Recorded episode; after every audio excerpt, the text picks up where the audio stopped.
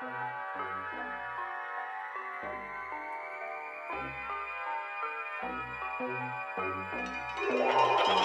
you.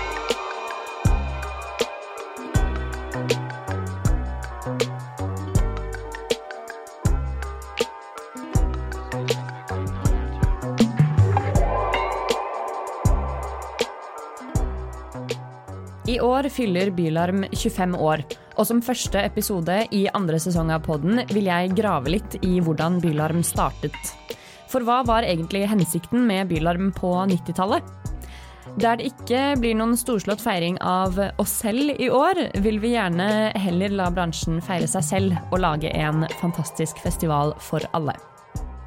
Men før vi kommer helt til festivalen, skal jeg ta en prat med Øystein Ronander, som var med fra år to av Bylarm, altså 1999. Hvordan så Bylarm ut eh, på den tiden? Hvordan så bransjen ut? Og hvordan har utviklingen egentlig vært gjennom de siste årene? For Bylarm har jo hatt en liten finger med i spillet på noen ganske fantastiske suksesshistorier. Av de virkelig store kan man jo nevne både Billie Eilish og Louis Capaldi, som begge spilte i 2018. Og av de norske gjennombruddene så har vi Sigrid, Aurora, Kvelertak og Big Bang, for å nevne noen. Historien om Sigrid får du faktisk høre mer om i en senere episode, for jeg har nemlig tatt en prat med manageren hennes, Geir Luedi, så det er det bare å glede seg til. Men dersom dere skulle brenne inne med noen spørsmål om Bylarm, håper jeg de kan besvares nå. Bylarm 2022 arrangeres 15. til 17. september, og vi gleder oss til å se deg der. Podkasten er laget i samarbeid med Norsk Tipping, med tilskudd fra Fritt Ord. Produsent er Kristin Knutsen, og klipping og miksing gjøres av Mikkel Syvertsen. Jeg heter Agnes Sten Eckersberg, og dette er Bylarm Backstage.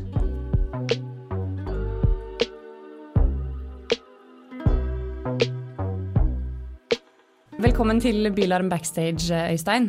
Takk. Du var jo en del av oppstarten til Bylarm. Vil du fortelle litt generelt om, om din tid i denne organisasjonen? Ja, jeg var jo ikke med første året, som var i Trondheim, men kom inn i 1999. Til å begynne med så var det jo Erlend Mogo Larsen da, som var primus motor. og Jeg var manager for et band på den tida som gjorde det veldig bra på, på 90-tallet, som het Seimen. Og de la jo opp i 1999, så det samsvarte veldig bra med når Erlend trengte noe hjelp da, til, å, til å fortsette. Så jeg hadde ikke noe å gjøre akkurat da. Så uh, han spurte om jeg var interessert i å være med og hjelpe for en luselønn. Og det, det var bedre enn jeg hadde tjent før det, så uh, jeg sa ja. Så fra 99 så har jeg vært med og var med da i 20 år. Hvordan var det han solgte inn Bylarm til deg, da? Nei, jeg var, jo, jeg var jo til stede på det første. Så, så jeg hadde jo sett hva det var.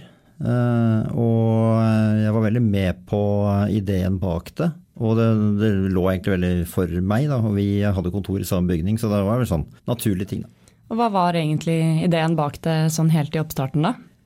Det handla jo om, uh, kan du si, tilstanden i norsk rock, da. Eller populærmusikk på det tidspunktet. Hvis man går litt tilbake til 80-tallet, så har du liksom de fire store som kom ut da. Men på midten av 90-tallet så var det jo fortsatt de som dominerte. Og det bandet jeg holdt på med, og, og kanskje Motorpsycho, var vel et av de få banda som eh, faktisk gjorde det veldig bra sånn, med, med, opphav eh, i 90-tallet. Så det sto ikke så veldig bra til. altså eh, Ideen til Erlend, eller eh, alle de han startet opp sammen med, var jo at eh, bransjen kunne ha godt av å møtes og diskutere ideer, og eh, samtidig gi en arena for unge band som kunne møte bransjen og sånn sett kanskje få litt fart i sakene. Så, så, det var egentlig en slags medisin for norsk musikkbransje, men veldig inspirert av hva var det det het, In the City i, i, England. Hvem var det Bylarm var laget for da? Var det, var det bransjen, eller var det publikum? Det var den norske musikkbransjen som var eh, egentlig det eneste fokuset til å begynne. Og da, av en eller annen merkelig grunn så, så regner man ikke artister til musikkbransjen eh, alltid, men selvsagt for artistene. Eh, og eh, publikum var litt sånn sekundært. Det, man trenger dem for å lage konsert. Så på den tiden var Bylarm liksom én ting, og så har det etter hvert eh, skilt seg i to deler, egentlig, med, med seminar- og, og festivaldelen. Så ja, det var for norsk musikkbransje en en helg man møtes og snakker sammen og, og kommer opp med ideer og får uh, inspirasjon. Hvor, uh, hvor, organisert var eh, det hele? Altså, var, og var det liksom samlet på et sted? Hvor stort var omfanget? Hvordan så det ut på 90-tallet? Det ligna jo ganske mye på sånn som det er nå, men uh, man må jo huske på at de første åra så reiste vi jo rundt til forskjellige byer. Og det var jo fordi det, det var for den norske musikkbransjen, og da, den var jo da stort sett sentrert i Oslo. Så eh, tanken var å få dem ut fra der de bodde. Vekk fra mann eller kone eller barn og bikkjer og sånn, og bare kunne fokusere en eh, helg da, på musikken. Så rent organisatorisk så var det stort sett meg og Erlend som eh, jobba sentralt sånn gjennom året. Og så hadde vi en lokalorganisasjon som ble satt opp fra år til år. Så, som da jobba med kan du si, det praktiske på stedet. Så var det ganske mye interaksjon med dem. Og så jobba vi med det overordna, med seminarprogram og, og sånne ting. Og så tok de seg av da mer de lokale forholdene. Og eh, så et par uker, eller en uke eller to før arrangementet så dro vi opp til den byen det gjaldt, og så jobba vi sammen. Så det ligner vel litt på hvordan det er nå, bare i litt mindre skala. Og da fikk man jo eh, inkludert lokale arrangører på en annen måte enn eh, nå som vi er eh, kun i Oslo. Ja, det, I og med at det dreide seg om, eh, egentlig bare om Norge, så var jo det viktig å få eh, litt fart i byene rundt omkring og finne hva som var av talenter osv. Så, videre. så eh, ja da, vi blåste nok energi inn i ganske mange lokale aktører på den tida der. Ja. Og det ble også litt prestisje hos kommunene rundt omkring å få Bylarm. Så de la jo penger på bordet og begynte etter hvert å overby hverandre for å få det. Ja, da skjønte jo til og med kommunene tidlig at bylarm var noe å følge med på? Allerede fra ganske tidlig så var det jo band som breaka skikkelig eh, gjennom å spille på bylarm. Og det ble jo lagt merke til. Så det tok ikke lang tid før eh, all nasjonalpresse som var til stede og gjorde ganske store oppslag eh, fra, fra bylarm. Da. Og når du sier ikke lang tid, hva, hva betyr egentlig det? Var det liksom andre året, eller var det fem-seks år inn? Eller? Nei, altså andre I 1999 så spilte jo Big Bang, f.eks. Og eh, de hadde jo holdt på noen år. Og eh, det var sånn rett til værs. Det var helt tydelig at det var Byline som gjorde det. Og det var jo eh, det samme bandet som hadde spilt rundt i noen år tidligere. Men det var det at det var en samla bransje som så det og fikk se hvordan det fungerte. Og alle visste at alle de andre hadde sett det, og det satte i gang en del ting. Så det handler om riktige folk i publikummet? Ja, det handler om riktig band og riktige folk.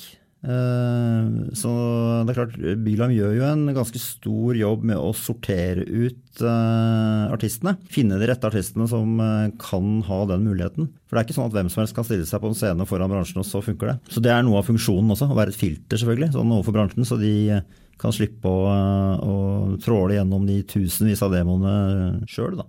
Hvordan skjedde utvelgelser på, på, den tiden? Ja, På den tiden snakker man jo stort sett om kassetter. Ja. Så eh, det, det, var jo litt før MP3 osv. Så, videre, så eh, da, da, sendte artistene inn kassetter, gjerne. Eller eh, etter hvert litt sånn hjemmebrente CD-er. da. Og de sendte det til oss sentralt. Og en eller annen gang sånn på slutten av året så tok Erlend og jeg med oss eh, flere banankasser med kassetter på flyet til den byen det gjaldt. Og så satt vi i en veldig lang helg og rett og slett bare hørte gjennom uh, alt. Og sorterte ned til vi satt igjen med, med en, det antallet vi, vi skulle ha.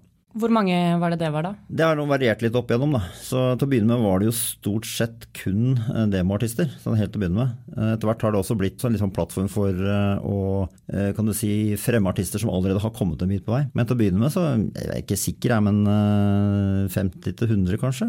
Som Så det var et sånt omfang allerede? Det var det, altså. Man prøvde jo å fylle byen, da. Det var litt avhengig av hvor mange spillesteder det var osv. I, i byen. Så var det jo veldig mye de lokale som fikk være med å velge. Så det var stort sett eh, meg og Erlend og kanskje en eller to til. Det var fra, fra nasjonalt, og så resten var lokale folk. Hvordan, eh, hvordan foregikk den overgangen eh, fra å flytte på seg til å lande i Oslo da? Når så mye av liksom, verdien høres ut som om den ligger i den omreisingen? Ja, det gjorde jo det til å begynne med. Men det handler veldig om at Bylarm fikk jo effekt etter hvert. Hvis man ser på, altså, Nå skal jeg ikke påstå at det var Bylarm som var årsaken, men hvis du ser opp gjennom 2000-tallet, så begynte det virkelig å skje ting eh, med norsk musikk. Det kom veldig mye nye band til. Bransjen endra seg kanskje litt og ble flinkere til å finne band også. Og Sånn sett så var det, brant det ikke like mye på dass da, i norsk musikkbransje. Så vi begynte da å se litt på at uh, Bylarm kanskje kunne være en plattform for å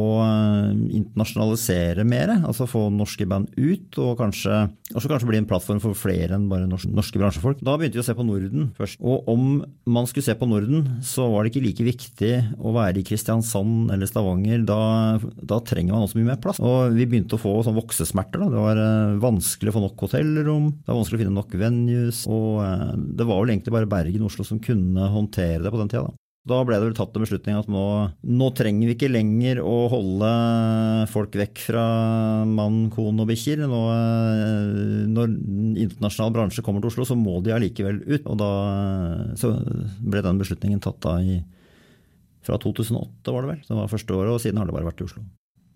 Hvordan opplevde dere den overgangen da? Oppfylte det de ønskene dere hadde? Ja, det vil jeg si. Som organisator er det jo betydelig enklere Eh, med ja, å være på samme sted år etter år. Og eh, også ha en arena som har uh, veldig mye venues. Oslo er jo kjempebra sånn sett. Ganske korte avstander, mye spillesteder. Men det var, jo, det var jo en del som mente selvfølgelig at Bylheim var skapt for å reise rundt og skape liv i, i de lokale eller byene rundt omkring i Norge. Så det var jo mye meninger rundt det. Ja. Men fra vårt perspektiv, og jeg tror fra Bylheims perspektiv da, som arena, så var det nok en veldig positiv ting.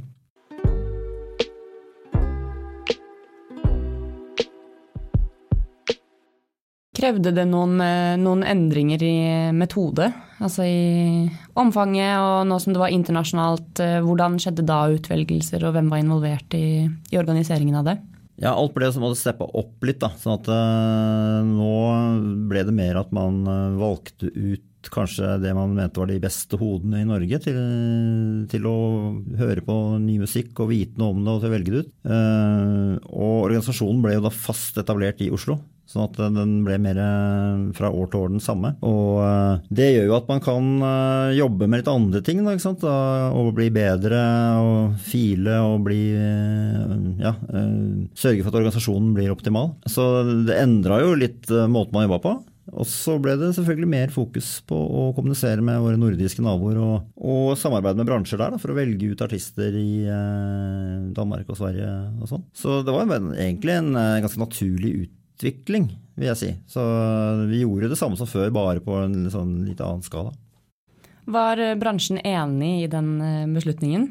Du nevnte jo at noen var litt sånn skeptiske, men, eh, men forsto folk valget? Det tror jeg. Det er jo alltid mye, mye meninger uh, om bylarm og mye ja, oppfatninger om hvordan ting bør være. Men jeg tror stort sett så skjønte de fleste det, at det var uh, en bra ting å gjøre. Og så ga det jo muligheter. Da. Altså Bransjen fikk jo da en arena til å snakke med sine nordiske kompanjonger og invitere dem hit. Så det tror jeg var et riktig tidspunkt å gjøre det på. Hvorfor tror du det er sånn at uh, bransjen mener så mye om bylarm? Det er nok fordi bylarm er jo viktig for dem. Eh, og mange har et veldig sånn personlig forhold til det også. Eh, man har vært der, man har oppdaget ting, man har hatt eh, fester, man har gjort mye sånt. Det, er veldig nært. Og så har man jo en oppfatning av hva bylarm er. Og når man endrer litt på den formelen, så føler man kanskje at det, dette er ikke det bylarm skal være. Så, men fra vårt, vi som jobber på innsiden, har ikke sett at bylarm er én ting om å være det. Det må forandre seg i takt med at um, musikken og musikkindustrien forandrer seg. Og hvis du løser den opprinnelige oppgaven du er der for å, for å løse, så må man jo sette seg nye mål da, og nye oppgaver. Ellers så stagnerer man jo. Og så i 2019 eh, så var du ferdig i Bylarm. Ja. Hvordan, eh, hvordan skjedde det valget da?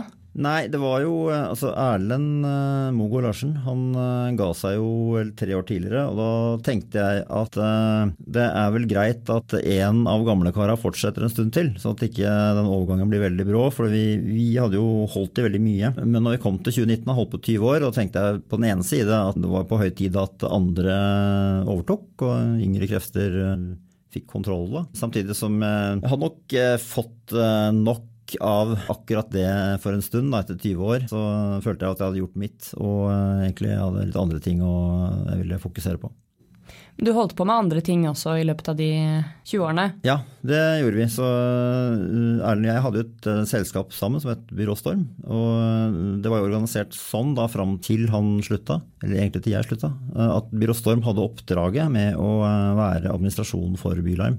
Og vi drev også med andre ting på, på siden. Det fikk vi også litt oppmerksomhet rundt og litt kritikk på underveis. Eh, at folk tenker at hvis du kan jukse, så gjør du det sannsynligvis. Vi hadde veldig strenge regler som vi satt for oss sjøl.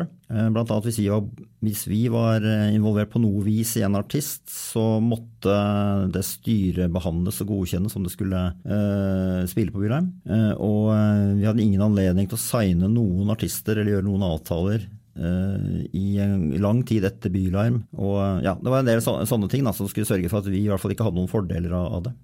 Og de mekanismene er jo fortsatt på plass. Det er eh, fremdeles ting som må gjennom eh, styret f.eks. Ja, det er jo rett og rimelig. At man må Altså, hvis man skal være en, jobbe med bylarm og jobbe effektivt med bransjen, så kan du ikke ha folk som ikke kjenner noen i bransjen. Eh, det er som jeg sier, Da må du eller å si at da må du jo ansette noen rørleggere eller, eller snekkere, for de kjenner ingen. Men eh, du vil støte på eh, habilitetsutfordringer underveis, så da er det viktig å ha ganske sånn stramme og klare retningslinjer på hvordan det skal håndteres. Så jeg tror det har fungert uh, veldig bra altså, på Bylheim. Det er ingen som har klart å peke på noe som har vært en sånn type Uh, hvor man har, uh, har, fått fordel av sin posisjon. Og det er også en, Kulturen internt, i hvert fall når jeg jobba der, også veldig sånn at det, det, gjør man ikke. Ja, Det er det jo fremdeles. Mm. Og det liker jeg å tro at er felles for hele bransjen, som du sier. Ja, nei, men det, det er jo å håpe det. I løpet av de 20 årene så kom det vel inn andre i organisasjonen også, i tillegg til altså litt yngre krefter og litt eh, andre folk enn eh, kun deg og, og Erlend. Så det var vel ikke sånn at dere holdt helt i tøylene frem til 2019? Nei, absolutt ikke. Eh, jeg syns faktisk vi var ganske flinke til å, å, rekruttere nye mennesker. Og siden jeg nå har anledning til å si det, så kan jeg si at jeg syns også vi var flinke til å rekruttere kvinner. Man hører jo av og til den der gamle gubber som gubbevelde og ikke slipper kvinnene til, men f.eks. Malin, som var promo hos oss, hun uh, begynte jo i Bylarm nærmest rett fra barnehagejobb, og fikk jobb som promosjef. Og ble jo seinere ansatt i Spotify osv. Mina søkte jo som praktikant. Mina som etter hvert ble daglig leder. Hun var jo praktikant i Bylarm til å begynne med. og og jobbet seg oppover eh, etter det. Det er flere sånne eksempler på også mm, menn da, som har eh, starta på et vis i Bylheim eh, og klatra ganske bra oppover og har posisjoner i både musikkbransjen og andre steder i dag da, som høyt oppe. Det er jo noe med hele Bylarm er at det oppfostrer både artistene og bransjefolka. Ja, det gjør det. Hvis du ser på, på sånn Bylarm er i dag, da. Eh, hva, hva, tenker du om eh, den utviklingen som har vært eh, siden dere starta det? Er det fortsatt samme, samme mål og hensikt med denne lille festivalen? Ja, jeg tror i, i bunnen er det eh, det samme målet og hensikten. Det er bare gått fra å være et fokus på norsk musikkbransje og utvikle norsk musikk, til å være internasjonalt fokus. Så det, det går mer nå på å få norsk musikk og skandinavisk musikk ut i verden. Og bygge relasjoner med internasjonal bransje. Og som et ledd der så får, tar man jo på en måte internasjonal musikk inn i Skandinavia også. Men uh, i bunn og grunn så er det akkurat det samme vi holder på med. Det er helt naturlig at du utvider perspektivet ditt etter hvert som uh, du lykkes med det du opprinnelig uh, begynte med. Da. Så ja, det er jo, Bylarm er jo fortsatt en sånn prosjektbasert organisasjon som i deler av året jobber noe helt vanvittig mye. og I andre deler av året så er det ganske stille på kontoret. Jeg er jo stolt over å ha vært en del av å utvikle det til noe som er en institusjon nærmest da, i, i norsk eh, bransje. Og når jeg snakker med folk, så blir de alltid litt sånn eh, imponert over at man har vært med på det. Så, så eh, det er klart det. At Bylarms status den har jo eh, økt, og, og eh, det har en veldig sånn solid posisjon i dag. Og Hva tenker du om utviklingen videre da? Nei, den skal jo jeg da ikke Jeg skal komme og være deltaker, og jeg håper jo at eh, den fortsetter. Man får jo av og til noen sånne tilfeldigheter og lykketreff, som at plutselig Billie Eilish eh, spiller i byen. Det, er jo selvfølgelig en kombinasjon av teft internt i eh, organisasjonen og litt tilfeldigheter. Men hvis vi går tilbake, så ser man jo at det er flere sånne flere artister som helt tydelig kan peke på at det var Bylarm det starta. Selvfølgelig norsk, mest norske, da. Men eh, jeg gleder meg til å se hvordan det utvikler seg. Og det er alltid mye bra musikk, da. Jeg var i en liten runde nå forrige gang og oppdaga danske Prisma, som er et helt fantastisk eh, band. som Jeg ble helt sjokkert når jeg så de skulle spille på Lillevega i Danmark, som er en sånn John D-scene. Altså, hvorfor spiller ikke de på i hvert fall eh, Store-Vega? Så et lite tips der til folk. Eh, sjekk ut Prisma fra Danmark. Så det er fortsatt den samme sjela for å oppdage nye artister?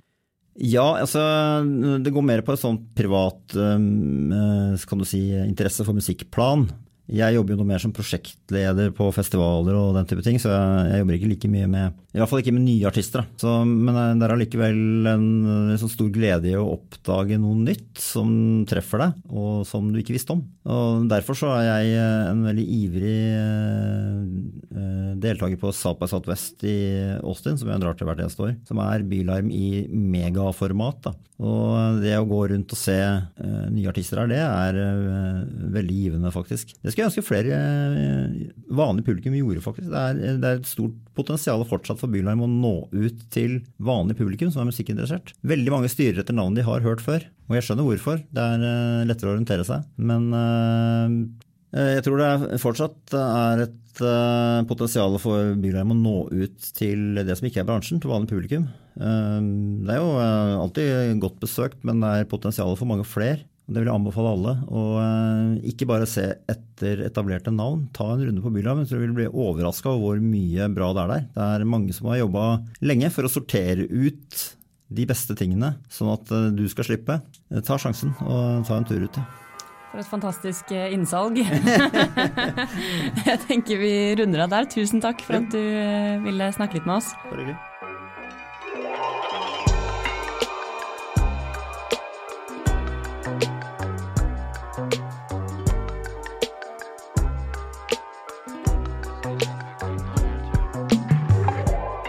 Utviklingen til Bylarm fortsetter, og senest i fjor gjorde vi en stor endring da vi flyttet fra vinter eller tidlig vår eh, til høsten. Avgjørelsen ble tatt i dialog med ulike deler av bransjen, og etter majoritetens ønske er vi nå permanent plassert i september. Utvelgelsen av eh, artister skjer fremdeles eh, også i dialog med bransjen, og demojuryen er laget for å få frem de beste nye artistene. Du kan for øvrig høre mer eh, om demojuryen og booking generelt i episoden som heter Artister 2021 fra forrige sesong av podkasten.